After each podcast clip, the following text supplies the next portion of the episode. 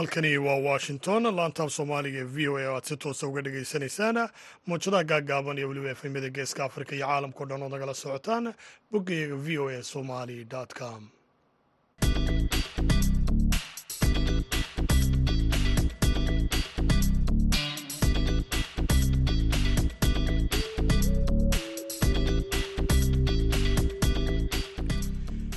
duur wanaagsan dhammaantiinba dhegaystayaal meel kastoo aad joogtaanba waa salaasa taariikhduna ay tahay lix iyo labaatanka bisha julaay amaba toddobaad ee sannadka laba kun iyo labyo labaatan haatana saacadda afrikada bari waxay tilmaamaysaa kowdiya barhkii duhurnimo idaacaddana waxaa halkan idinkala socodsiin doona aniga oo ah cabdixakiin maxamuud shirwa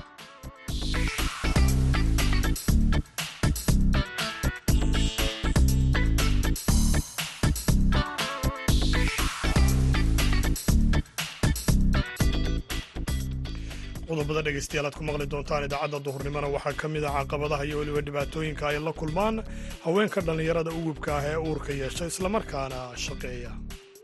Adoon uur lahayn baa tacabay tahay xagaagu. Adoo uur lana oo weliba shaqaynayana dee waa xaalad kale wallaahi. Xilliga tuurkaan soo rawaxayoo kale aan soo socdo xataa aqalka markaan imaato kale ma bixi karayo. Haddaan suuqa wax ka soo qabsiis idhaahdo laga yaabaa marmar markaan labisteen baxayna dhexda ka soo noqdo waxaa kaloo maqli doontaan dhallinyaro lacag oo isku dursaday islamarkaana goobo ganacsi ka hirgeliyey magaalada laascaanood kuwaasoo sidoo kale shaqo abuur u sameeyey dhallinyarada kale. Sidoo kale kaalmihii heesaha ayaad ku maqli doontaan intaan idaacadda ku guda jirno hase yeeshee marka hore ku soo dhowaada warkii dunida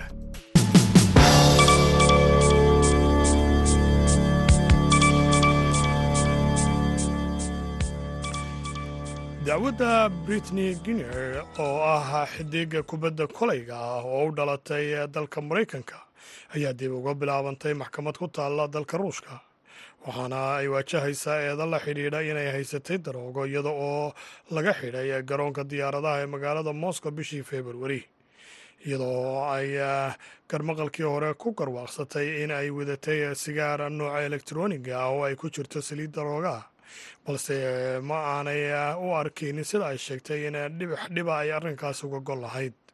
Mas'uuliyiinta maraykanka ayaa sheegay in sifo khaldan loo xidhay haweenaydan iyadoo garyaqaankeeduna uu gudbiyey dacwadda intii lagu guda jiray in xarun caafimaad oo maraykanka ku taalla ay u ogolaatay inay daroog ahaan u isticmaasho si ay iskaga daaweyso xanuun daran oo haya hase yeeshee wasaaradda arrimaha dibadda ruushka ayaa diiday difaacaasi iyagoo oo sheegay toddobaadkii hore in sharciga maraykanka aan lagaga dhaqmin ruushka islamarkaana ay tahay in sharciga ruushka la tixgeliyo. Waxaanay waajahaysaa xabsi gaadhaya toban sanno haddii dembigaasi lagu helo. Wasiirka arrimaha dibadda ee ruushka sergey lafarof ayaa isniintii gaadhay dalka uganda safarkaas oo noqonaya kiisii saddexaad ee socdaal uu ku maraya qaaradda afrika si uu xoojiyo xidhiirka ay qaaradda la leeyihiin islamarkaana uu taageero ugu raadiyo. Cadaadiska ka dhanka ah ee reer galbeedka kaga imanaya gaar ahaan dagaalka ay ku qaadeen ukrain lafarof ayaa uu garoonka diyaaradaha intebi uu ku qaabilay dhigiisa dalka uganda jeje odongo. Waxaana sidaasi sheegay afhayeen u hadlay wasaaradda arrimaha dibadda ruushka mas'uulkan ugu sarreeya diblomaasiyadda ruushka ayaana maanta wadaxaajooda la leh madaxweynaha dalkaasi uganda yoweri museveni waxaana sidaasi ku warantay wakaaladda wararka ee ruushka ee magaceeda la yidhaahdo taas. Dhegaystayaal warkiina waa naga intaa u diyaargarooba qaybaha kale idaacadda duhurnimo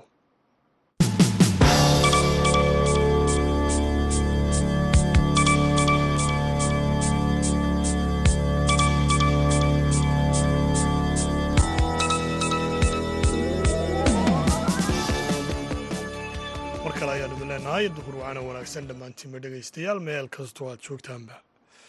Waxaa jira haweene da'yar oo guri leh islamarkaana shaqeeya. Kuwaasoo caqabada kala kulma marka ugu horreysa ay uur qaadaan.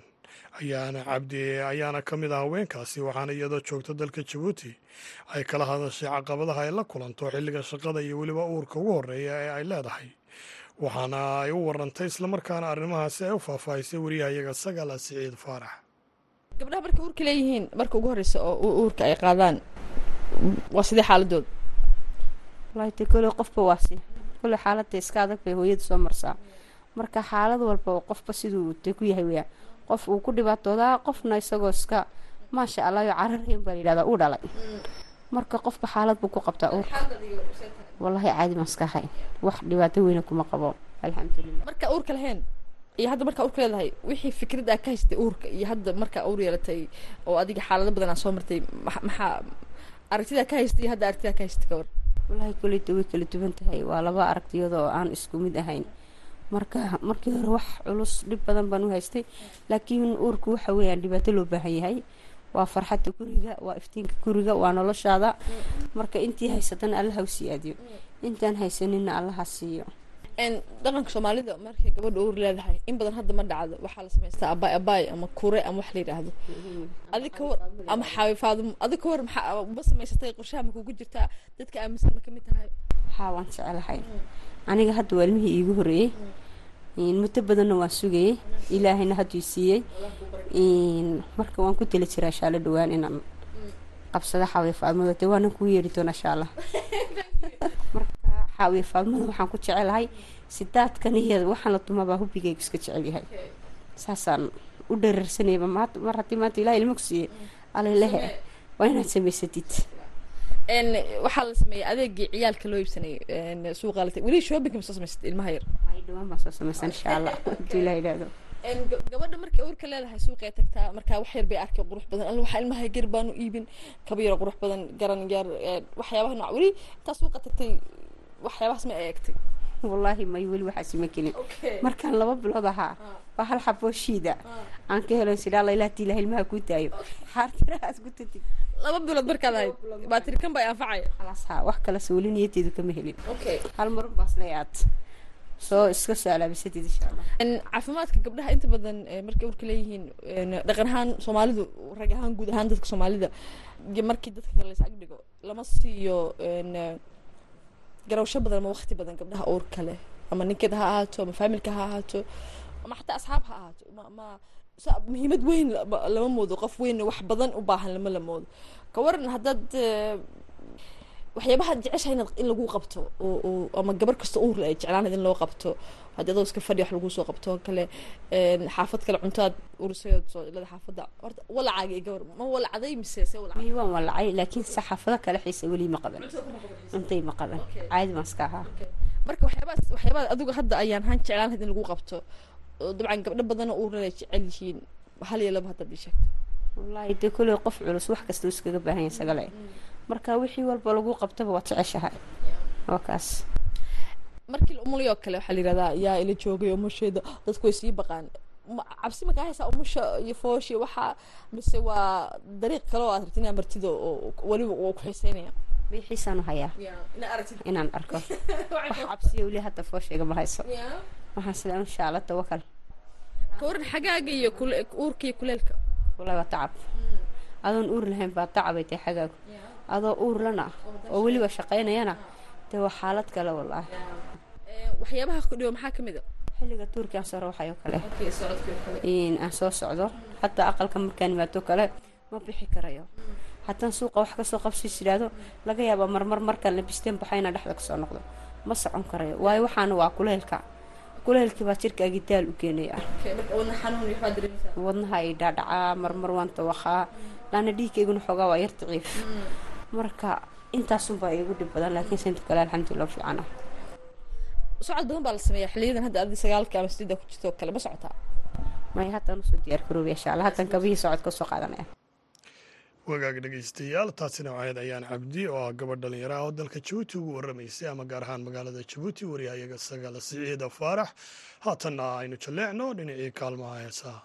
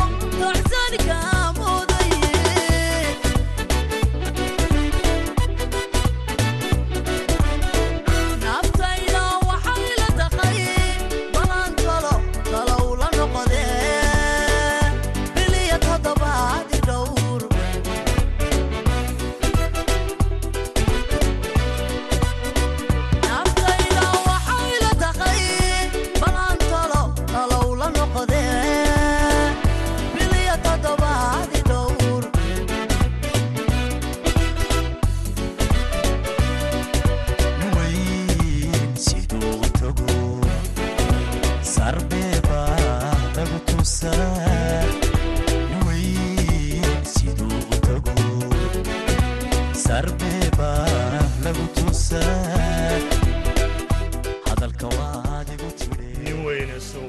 suugu tago sarbeeb baa lagu tusaa hadalka waa adigu tiri heestaasi ay sida wada jirka ahaataan codkooda inagu soo gaarsiinayeen.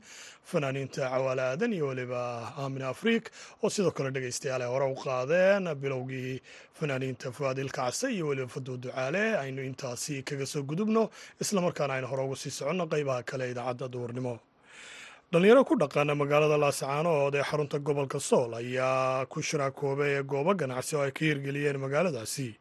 Dhalinyaradaasi ayaa lacaga iska ururiyey islamarkaana ku fakeray hirgelinta xarumaha ganacsigaasi. Kuwaasi oo shaqo abuur oo sidoo kale u sameeyey dhalinyarada kale ee magaaladaasi ku dhaqan.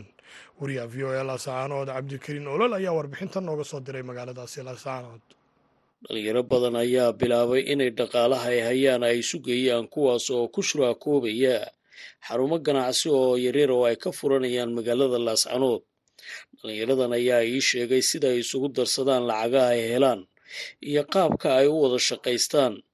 Waxa ii sheegeen in dhallinyaradani marka ay fikradda helaan sida ay isu fahmaanna ay isugu darsadaan dhaqaale ay ku furtaan goobo yaryar oo ay noloshooda ku maareeyaan qaar ka mid a dhallinyaradaasi oo aanu kula kulannay goobaha ganacsiga ay ku leeyihiin magaalada laascanood ayaa barnaamijka dhallinyarada laanta afka soomaaliga v o a uga warramayaa sida ay ganacsiyada ku abuurteen. Bismillaah magacaygu waa xasan cabdi cali. Muhiimadda ay leedahay in ganacsiga la wadaago ama sheer lagu wada sameeyo.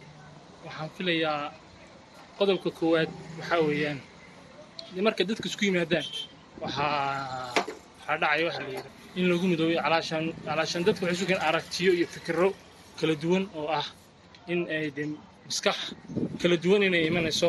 Waxaa kaloo imanaysa in dhaqaalihii oo kale ay dee ay badanayo. Waxaan filayaa oo kale in qodobada ay keeni ay ka mid tahay.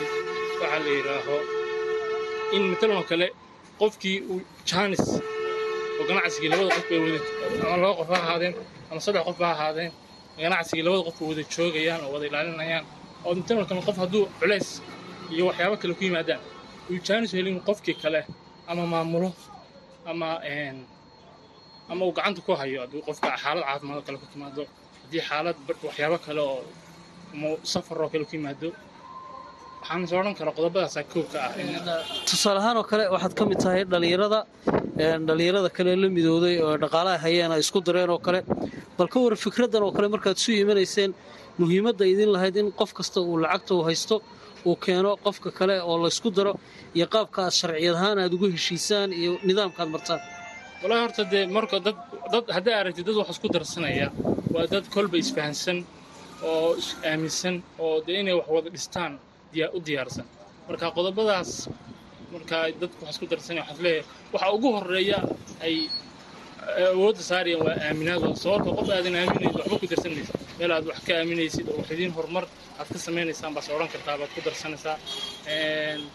Dadkuna ganacsiyada ay isku darsadaan waxa- waxaa jira ganacsiyadii dadku dhaqaalo fara badan oo isku darsadaan dhaqaalo yarna isku darsadaan marba dee dadku inta awoodooda ah iyo waxa ay doonayaan businesska ay samaynayaan intuu awoodiisu laagta.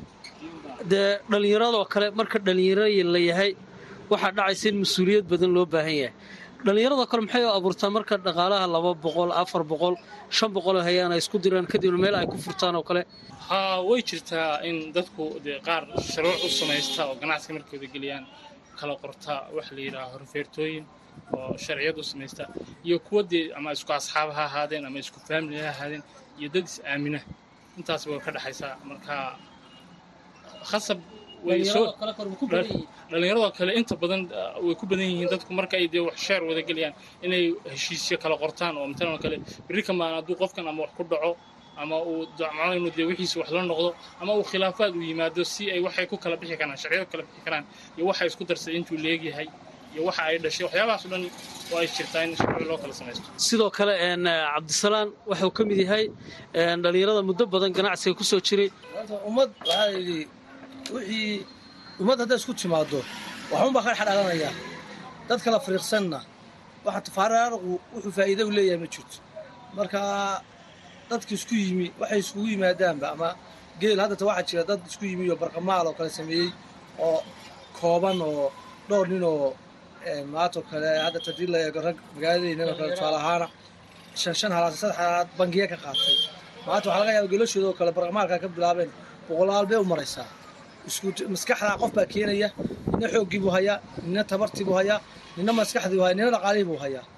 Waa la isku dardarsanayaa dowladaha waa ku dhisma. Marka wax wada lahaansho iyo isku duubni wax ka wacani maba jiraanba dhallinyarada oo kale cabdisalaanow muhiimad intee la eg bay u leedahay inay xarumo cusub furtaan oo ganacsiyada ay isu geeyaan? Dhallinyaradu waa xoogga cusub weeye. Waa maskax cusub waa xoog cusub wax walba ay isku keenaan midha u mudhalayaa dib baana midhahooda ay u guranayaan faa'iidada ka guranayaan oo wax walbana marka horeysa waa be- raad raad bilow weeye iyo wax soo saarka way najeexayaan marka waxaan kula talin lahaa hadda magaaladeena ganacsigu ee dhallinyarada deegaanka waa curdin majoratiga oo nimankii dhallinyarada hore ee koonfurta markii laga saaray.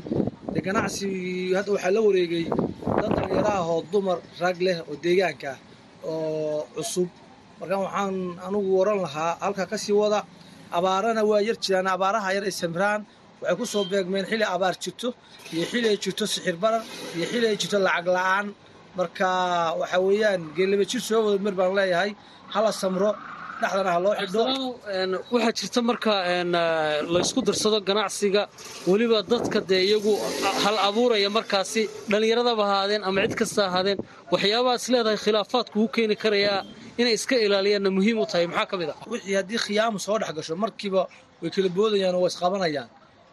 Waxaa muhiim ah isku daacada shaqadooda u daacada waxay qabanayaan u daacada waxay hayaan daacad ka ah marka waxaa muhiim ah qofku hadday daacad u yahay dadkuna daacad isku yahay waxay hayaana daacad u yihiin shaqadii daacad ka tahay wax xumaanaya ma laha. Laakiin haddii wax yimaadaan khalad unbaa imaan. Khaladkaana aabba waxaa u ah khiyaamada.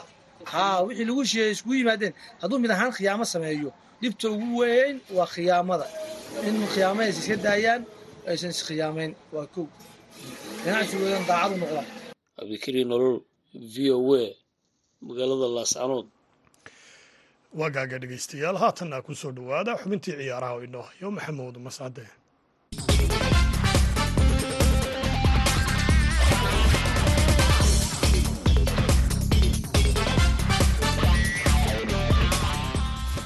kulan wanaagsan dhegaystayaal dhammaantiinba kuna soo dhowaada xubinta ciyaaraha. Aan ku bilaabay koobka qaramada yurub ee hablaha oo si xiiso badan maalmahan uga soconaya waddanka ingiriiska ayaa haatan la soo gaaray ciyaarihiisa semifinalka iyadoo afar dal ay isu soo gudbeen kuwaasi oo caawa iyo habeen dambe kala ciyaari doono ciyaarta kama dambaysta ahna habeenka axadda ah ayaa la qaban doonaa waddamada ingiriiska iyo sweden ayaana kulanka koowaad uu caawa dhex maraya waxa ayna fooda isku dari doonaan gegida bramolane ay ku ciyaarto kooxda kubadda cagta ee sheffield united. Gegidan ayaa waxay qaadaa taageerayaal kor u dhaafaya soddon iyo laba kun waxaana la filayaa kuwaasi oo u badan kuwa ingiriis ah inay caawa garoonka soo camiri doonaan. Ingiriiska oo taageero ka helaya taageerayaasha faraha badan ee garoonka soo gelaya iyo ciiddiisa ayaana rajeynaya kulanka caawa in uu guul ka qaato. Ingiriisku taariikh ahaan marka la eego koobkan laba mar ayay u soo gudbeen ciyaartiisa kama dambaysta. Labadii marna waa laga adkaaday. Halka sweden ay koobkan afar mar ciyaarta kama dambaysta u soo gudbeen saddex mar laga adkaaday hal marna ay ku guulaysteen. Laftooda taageerayaashoodu waxay rajeynayaan inay ingiriiska gurigooda ku duugaan isla markaasina iyagoo dhoola caddaynaya ay ciyaarta kama dambaysta u soo baxaan. Haddaba waxaynu wada sugnaa ciddii caawa. Koobkan amaba ciyaartan lagu loolamayo guul ka gaarta. Ingiriisku waxay rajo weyn ka qabaan gabadhooda afka hore ka ciyaartaa oo goolasha ugu badan ee tartankan ilaa iyo hadda la dhaliyey dhalisa ee beth mead waxayna gabadhaasi leedahay shan gool. Dhinaca kale jarmalka iyo faransiiska ayaa fooda isdaraya habeen dambe. Xulka qaranka ee jarmalku koobkan sideed mar ayuu ku guulaystay. Halka faransiisku aanay ciyaarta kama dambaysta ahba u soo bixin iska dhaaf inay koobkan ku guulaystaan. Xulka qaranka ee faransiiska ayaase haatan waxa ay wataan xidigo da-yar oo aada macno weyn ugu leh qaaradda yurub waana gabdho laga filayo in ay sanadkan guul u keeni karaan xulka qaranka ee faransiiska si kastoo tahaba labadan dal ayaa ciddii soo guulaysatahay waxay u soo gudbaysaa ciyaarta kama dambaysta ee xadda aa dhici doonta. Dhinaca iyo haddii aan jaleeco suuqa kala iibsiga ciyaartoydana kooxda kubadda cagta ac milan ayaa waxa ay gorgortana kula jirtaa kooxda kubadda cagta ee chelsea oo ay doonayso in ay kala soo wareegto ciyaaryahan xakiim asiyaaj sagaal iyo labaatan jirka u dhashay waddanka morocco oo kooxda kubadda cagta ee chelsea in dhoweyd boos joogta ah kala ah.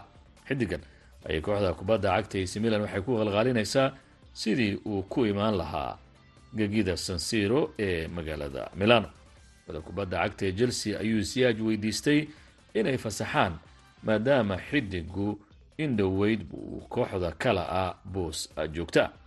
Ac milan ayaa xidigan si kastoo ay awoodeedu tahayba waxay doonaysaa in ay chelsea ka soo faramaroojiso. Dhegeystayaal xubintaana ciyaarahan inta ayaan ku soo gabagabaynayaa. Tan iyo kulan dambe waa mascado idinku dhaafaya sidaa iyo nabadgelyo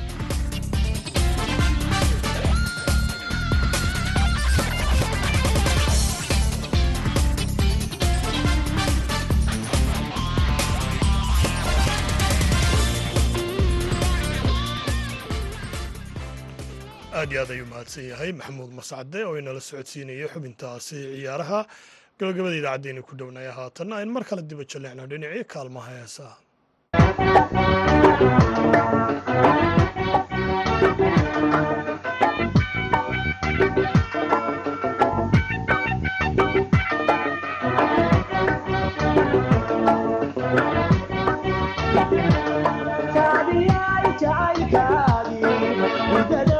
مثلا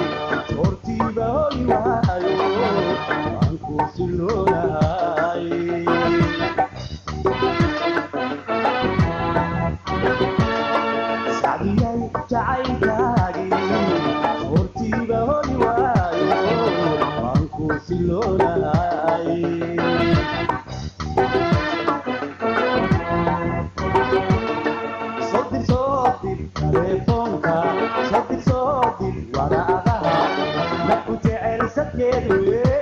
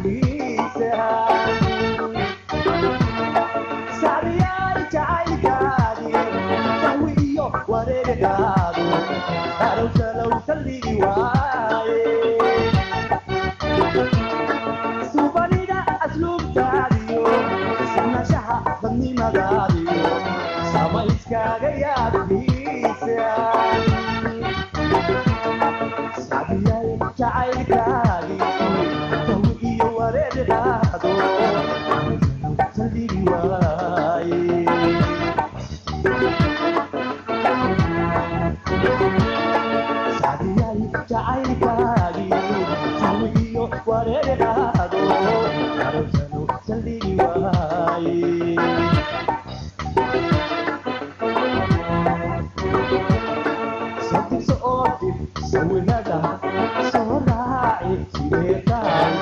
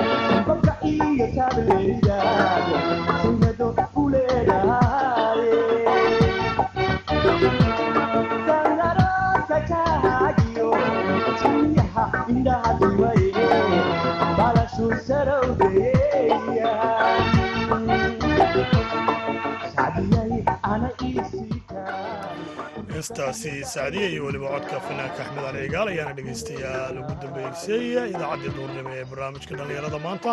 Tan iyo kulantay dambe waxaan idin leeyahay sidaa iyo nabadgelyo.